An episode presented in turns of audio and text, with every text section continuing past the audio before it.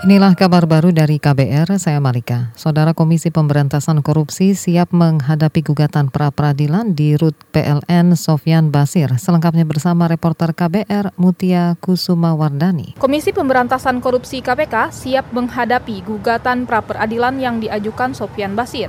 Sofyan merupakan Direktur Utama PT PLN Nonaktif yang telah ditetapkan sebagai tersangka suap proyek pembangunan PLTU Riau 1. Juru bicara KPK, Febri Diansyah, yakin lembaganya sudah bertindak sesuai prosedur dalam menangani perkara ini. Terlebih, sejumlah pelaku lain telah difonis bersalah yang berkekuatan hukum tetap. Saudara, Sofian Basir resmi mengajukan gugatan pra peradilan Rabu kemarin ke Pengadilan Negeri Jakarta Selatan. Sofian menggugat keabsahan KPK dalam menetapkannya sebagai tersangka. Sofyan diduga bersama-sama dengan anggota DPR RI Eni Maulani Saragih dan kawan-kawannya menerima hadiah atau janji dari pengusaha Johannes Budi Sutrisno Koco terkait kesepakatan kontrak kerjasama pembangunan PLTU Riau 1. Dari Gedung Merah Putih KPK, Mutia Kusuma mengabarkan untuk KBR.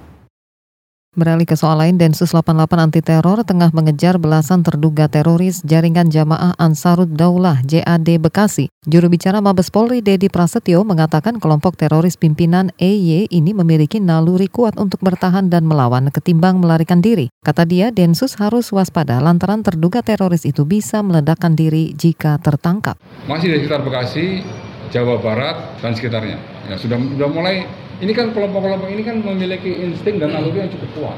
Ya, ketika dia sudah melihat berita di TV, maka nalurinya itu sudah kuat. Dan naluri dia bukan yang naluri lari, tapi nalurinya dia defend.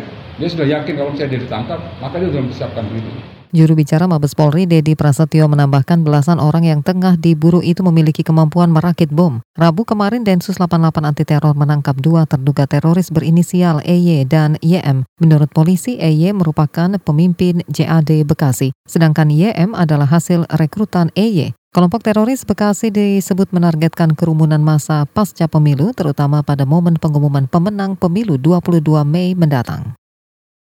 Presiden Joko Widodo memerintahkan Gubernur Maluku Utara Abdul Ghani Kasuba terus menyederhanakan berbagai perizinan usaha di wilayahnya. Hal itu diungkapkan Abdul Ghani usai dilantik di Istana Negara. Kepada Jokowi, Abdul Ghani menjanjikan banyak investor yang akan masuk ke kawasan ekonomi khusus Morotai. Pak Presiden hanya pesankan ya baik-baiklah, baik-baik. Perhatikan rakyat baik-baik. Beliau punya pesan hanya harus perhatikan masyarakat ya. Jangan disakiti dan jangan apa namanya diperdayakan lah yang baik. Jangan diabaikan seperti itu. Dipermudah semua persoalan termasuk izin-izin dan lain-lain. Tidak boleh dipersulit.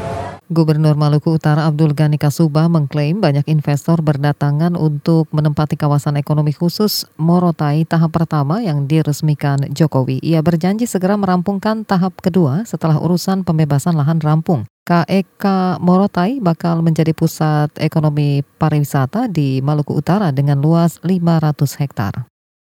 Bank Indonesia memperkirakan kebutuhan uang tunai menjelang Hari Raya Idul Fitri mencapai 217 triliun rupiah. Jumlah ini naik 13 persen dibanding periode sebelumnya. Deputi Gubernur BI Rosmaya Hadi mengatakan peningkatan tersebut dipicu jumlah hari libur lebaran tahun ini lebih banyak dibanding tahun lalu. Sekarang itu adalah 13,5 persen tapi kalau dari sisi uangnya sendiri adalah tahun lalu itu 191,3 triliun, sekarang 217,1 triliun, cukup besar. Deputi Gubernur BI Rosmaya Hadi menambahkan peningkatan kebutuhan uang tunai juga disebabkan faktor kenaikan gaji dan pembayaran THR aparatur sipil negara. BI bakal membuka layanan penukaran uang di 2.900 titik di seluruh Indonesia. Di Jakarta layanan dibuka di parkiran Irti Monas mulai Senin pekan depan. Demikian kabar baru dari KBR, saya Malika.